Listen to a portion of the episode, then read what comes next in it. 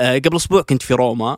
كذا شفت اثنين واحد إيطالي وواحد إسباني يتكلمون. حلو. كل واحد يتكلم بلغته بعدين اللي استغربت إنهم كيف يفهمون بعض كل واحد يتكلم لغة مختلفة. اكتشفت إن الإسباني لو يهدي وهو يتكلم الإيطالي بيفهمه بيصير كانها لغة واحدة. okay. ليه؟ يعني هم وش ال... يعني هم يتكلمون بلغة إيش؟ هي أتوقع لغتين مختلفين مختلفتين زي الع- العربية والعبرية. okay ففي أشياء كثيرة متشابهة بينهم. إيه فلو يهدي الاسباني الإسباني يتكلم بسرعة لو يهدي الإيطالي بيفهم.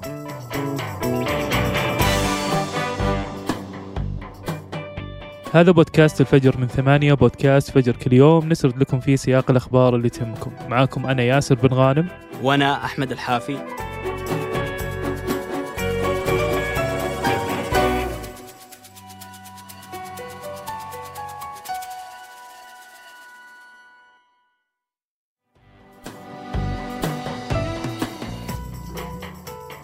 قبل عشر شهور ومع أخبار تجاوز دبابات روسية لحدود أوكرانيا وصل سعر النفط الأكثر من 120 دولار للبرميل واللي هو أعلى مستوى له من ثمان سنين. ومع هالأسعار الاستثنائية إدارة بايدن لقت نفسها في أزمة جديدة. فغير التضخم وارتفاع الأسعار اللي كان يواجهها الشعب الأمريكي وصلت أسعار البنزين في ولايات مثل كاليفورنيا لحوالي 6.5 دولار للجالون واللي هي أكثر من 6 ريال للتر هالشيء خلى بايدن يحاول يحل المشكلة بأكثر من طريقة. Begin this morning with President Biden, who is spending his second day in Saudi Arabia for a high stakes meeting. وبعد زيارته للسعودية وطلباته المتكررة لأوبك عشان تزيد الإنتاج اللي ما حققت كل اللي كان يحتاجه التفت لصناعة النفط داخل أمريكا لكن ورغم أسعار النفط التاريخية وقتها واللي مفترض تحفز شركات النفط الصخري بأمريكا أنها تزيد إنتاجها وتستغل هالفترة الاستثنائية كانت زياداتهم جدا محدودة وبقت أسعار النفط في نفس مستوياتها وهالشيء بسبب أزمة يعيشها اليوم قطاع النفط الصخري بأمريكا. واللي هالأسبوع نشرت فاينانشال تايمز تقريرها عنها وعن كيف بتأثر هالأزمة على كل العالم وبالذات أكبر الدول المصدرة للنفط. بس قبل ما نتكلم عنها خلينا نشوف كيف كانت أمريكا قبل النفط الصخري. بعد نهاية الحرب العالمية الثانية كانت أمريكا تستهلك يوميا 5 مليون برميل من النفط. هالرقم كان يتزايد بشكل سريع بالسنين اللي بعدها بسبب نمو اقتصاد أمريكا السريع في العقود اللي كانت بعد الحرب. ففي أقل من 30 سنة زاد الاستهلاك أكثر من ثلاث أضعاف وتجاوز 17 مليون برميل باليوم. وهالنمط من النمو كان مستمر إلى ما جت 1973 بعد قرار الدول العربية في أوبك بهذيك السنة أنها توقف تصدير النفط الخمس دول ومنها أمريكا ارتفع سعر النفط الأكثر من 120% The oil producing countries of the Arab world decided to use their oil as a political weapon. فبعد ما كان البرميل قبل الأزمة ب 27 دولار بس وصلوا لأول مرة بتاريخه لأكثر من 60 دولار. وداخل أمريكا وصل سعر البنزين الأعلى سعر بتاريخه. واضطرت الحكومة تقلل من أكثر شيء يستهلك الطاقة مثل عدد الرحلات الجوية وتدفئة البيوت والمكاتب. وحتى خفضت السرعة القانونية بالطرق السريعة ل 80 كيلومتر بالساعة. وبسبب هالأزمة أعلن الرئيس نيكسون عن مشروع جديد. قال إنه بنفس حجم مشروع مانهاتن اللي طورت فيه أمريكا أول قنبلة ذرية ومشروع أبولو اللي وصلت فيه أمريكا للقمر. وسماه مشروع الاستقلال. What I have called Project Independence 1980 is a series of plans and goals set to ensure. في هالمشروع كان هدف نيكسون تقليل اعتماد أمريكا على باقي العالم بتأمين احتياجاتها من الطاقة. عشان توصل أمريكا لهالاكتفاء سوت أكثر من شيء. منها تسهيل إصدار رخص بناء المفاعلات النووية والمساعدة بتكاليف إنشائها. وزادت إنتاجها للفحم وعمليات اكتشاف مناجمه واللي وقتها كان ثروة الطاقة الأكبر بأمريكا. وحتى خففت من القيود اللي كانت على إنتاج الفحم واللي كان هدفها تحافظ على البيئة. ثم في نهاية التسعينات قدر مهندس نفط أمريكي إنه يطور طريقة جديدة كليا لإنتاج النفط. فبينما المعتاد في أماكن ثانية بالعالم مثل الخليج وبعض الأماكن القليلة بأمريكا إن يكون النفط متجمع في بير وبس يحتاج يستخرج. الطريقة الجديدة في أمريكا كانت باستغلال النفط المترسب داخل الصخور وهالشيء يصير بتعريض هالصخور لضغط عالي وقوي من الموية أو الرمل أو مواد كيميائية ثانية. فتتكسر ويطلع النفط اللي داخلها. لكن المشكلة الأساسية بهالأسلوب مقارنة بالطريقة العادية هو بتكلفة عملية تفتيت الصخور هذه وجمع النفط منها. زيادة على تكلفة الموية اللي تحتاجها الطريقة منها كميات كبيرة. عشان كذا مثلا برميل النفط يكلف أرامكو مثلا 4 دولار بس تكلفة إنتاج نفط صخري بنفس الكمية في أمريكا تتجاوز 40 دولار. هالشيء يخلي هالشركات تحتاج يكون سعر النفط 50 دولار على الأقل عشان يكون الإنتاج مربح لهم. لكن بداية الألفية الجديدة ومع وصول أسعار النفط الأكثر من 140 دولار التفتت أمريكا لإنتاج النفط الصخري فيها كخيار لتحقيق الهدف اللي حطه نيكسون قبل 30 سنة.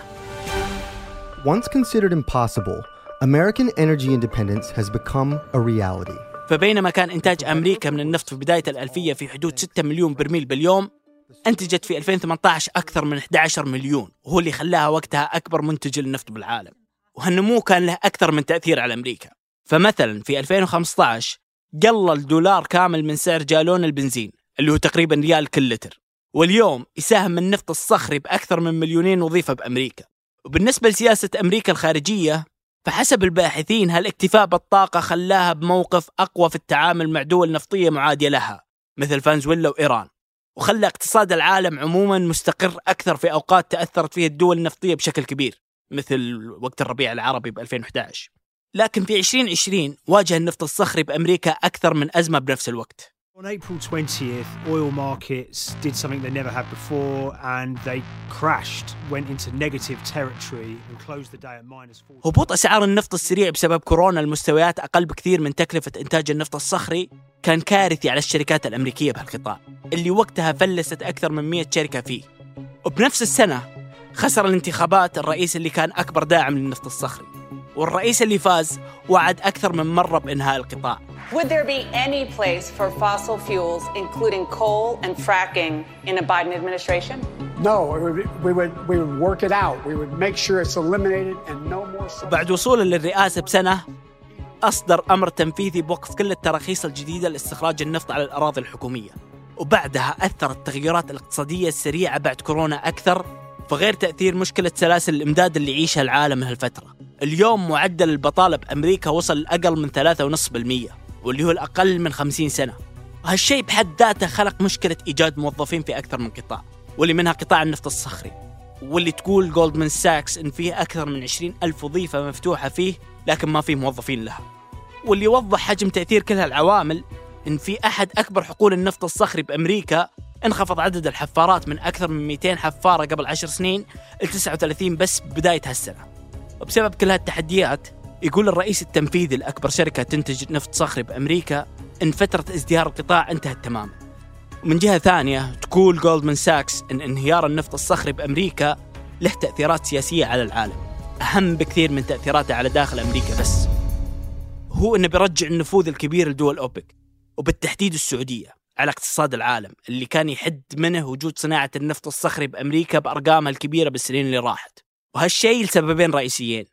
الأول هو الطلب على النفط اللي يقول المحللين إن رغم خيارات الطاقة النظيفة بيكمل الطلب على النفط يرتفع إلى 2035 ثم بيستقر عشر سنين على الأقل قبل ما يبدأ يهبط في 2045 وبينما أكثر من دولة نفطية بالعالم صعب عليها تزيد إنتاجها بشكل كبير عن المستويات الحالية وإنتاج النفط الصخري بأمريكا جالس يقل باستمرار أرامكو قالت إنها بتكمل تزيد طاقتها الاستيعابية وفي 2027 بتكون أكثر 25% من مستوى الإنتاج الحالي للشركة اللي هو بحدود 10 مليون ونص برميل.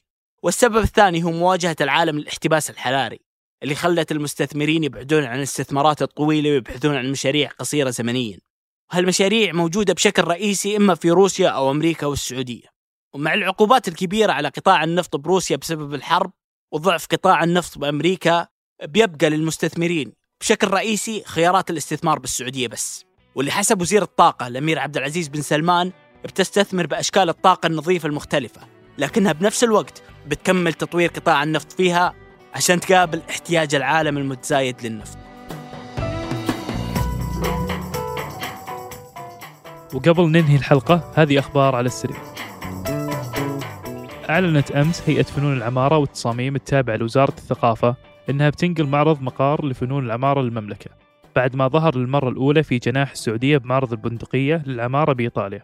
ويعرض هالمعرض مواد وبحوث أرشيفية ونماذج عمرانية ومعمارية ترصد تكيف المباني والنسيج الحضري مع الظروف الاجتماعية المتغيرة بمرور السنوات. وبيكون في جدة بحي جميل في مجمع جدة الإبداعي من الجمعة الجاية 20 يناير إلى 7 أغسطس. وفي الصين أعلنت الحكومة عن أن عدد السكان بالسنة اللي راحت 2022 ولأول مرة من 60 سنة انخفض. بعد ما زاد عدد الوفيات بهالسنة صار أكثر ب 850 ألف من عدد الولادات. وحسب التقارير هالتغير السكاني يشكل تهديد كبير للصين اللي جالسة تواجه مشكلة تقدم عمر الطبقة العاملة فيها وانخفاض معدل المواليد لأقل مستوى لها من تأسيس الصين قبل أكثر من 70 سنة. وسبب هالمشكلة وقفت الصين في عام 2015 القانون اللي ما كان يسمح للأسر بإنجاب أكثر من ابن واحد. وبالعكس بدت بعض المدن بالصين تعطي حوافز الآباء إذا أنجبوا أكثر من ابن واحد. وفي الوقت اللي تواجه فيه أوروبا أزمة طاقة استثنائية فرقت الشرطة الألمانية بالقوة تظاهرات لنشطاء مناخ كانوا في قرية تبي تشيلها الحكومة بالكامل عشان تطور منجم فحم ضخم بمكانها. وقالت الشرطة بعدها أن 70 من هالنشطاء أصيبوا خلال العملية و20 منهم احتاجوا يدخلون المستشفى. وبعد ما أطلقت معالجها الجديد M2 قبل ست شهور أعلنت أبل أمس عن نسخ Pro و Max من M2 واللي بيتوفرون على نسخ من ماك بوك Pro. وتقول أبل أن M2 Pro واللي بيتوفر بعد على ماك ميني أسرع ب 40% من نسخة Pro من M1 وM2 Max اللي هو الأقوى بينهم أسرع ب 25% من نسخة Max من M1 وبيكونون متوفرين بداية من الثلاثاء الجاي 24 يناير.